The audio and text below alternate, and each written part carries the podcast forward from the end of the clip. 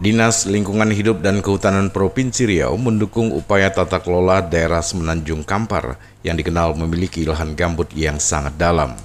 Kepala DLHK Riau Mamun Murad kepada wartawan Kamis pagi mengatakan untuk menyelamatkan gambut di Semenanjung Kampar ini perlu dibangun sinergi antara berbagai pihak sehingga tidak menimbulkan kehancuran atau keliru dalam menata kelolanya.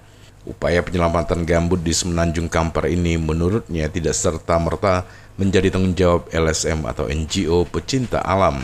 Upaya penyelamatan gambut di Semenanjung Kampar ini menurutnya tidak serta-merta menjadi tanggung jawab LSM atau NGO pecinta lingkungan, akan tetapi perlu kolaborasi dengan instansi pemerintah, dunia usaha, dan masyarakat. Tujuan tata pengelolaan di Semenanjung Kampar yang terletak di Kabupaten Siak dan Pelalawan ini dalam rangka menciptakan hutan lestari dan masyarakat sejahtera tentunya melalui mekanisme perhutanan sosial di dua desa, yakni Desa Dayun dan Desa Dosal. Menurut Murad, hal ini akan mendorong masyarakat di dua desa itu menjadi sejahtera yang pada akhirnya masyarakat tidak akan masuk lagi ke hutan yang seyogianya memang harus dijaga dan dipertahankan dengan baik. Wilayah-wilayah yang masuk ke dua kabupaten, yaitu Kabupaten Siak dan Kabupaten Pelalawan. Oh gitu.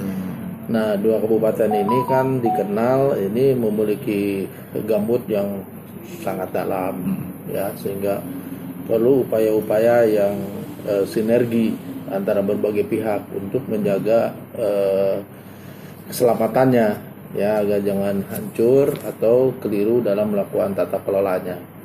Nah, upaya ini dilakukan memang harus e, kolaborasi, tidak hanya dilakukan oleh NGO saja, tetapi juga semua institusi yang terlibat ya dalam hal ini baik dari pusat, kemudian juga daerah, kemudian juga NGO, ya juga medianya yang perlu sekali gitu dilibatkan.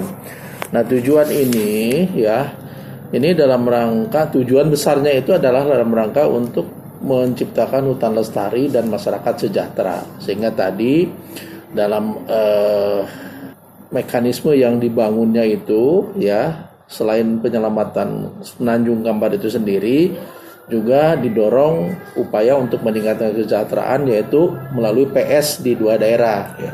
yaitu di Desa Dayun dengan di Desa Dosan. Nah, ini uh, akan uh, mendorong masyarakat itu menjadi sejahtera. Di samping juga itu nanti akhirnya masyarakat itu tidak akan uh, masuk ke dalam hutan yang seyaganya harus dijaga dan dipertahankan dengan baik. Murad memaparkan salah satu NGO yang berkenan ikut menata Semenanjung Kampar yakni Yayasan Elang telah menyampaikan langsung ke DLHK Riau. Bahkan Yayasan Elang yang sumber dananya dari luar negeri itu telah memaparkan rencana strategis dalam pengelolaan Semenanjung Kampar. Pihaknya bersama Yayasan Elang Tahap awal ini telah menyusun skenario dalam penyelamatan Semenanjung Kampar, sehingga upaya pelestarian alam dan kesejahteraan masyarakat sekitar dapat terwujudkan. Prima Erma, Tim Liputan Barabas melaporkan.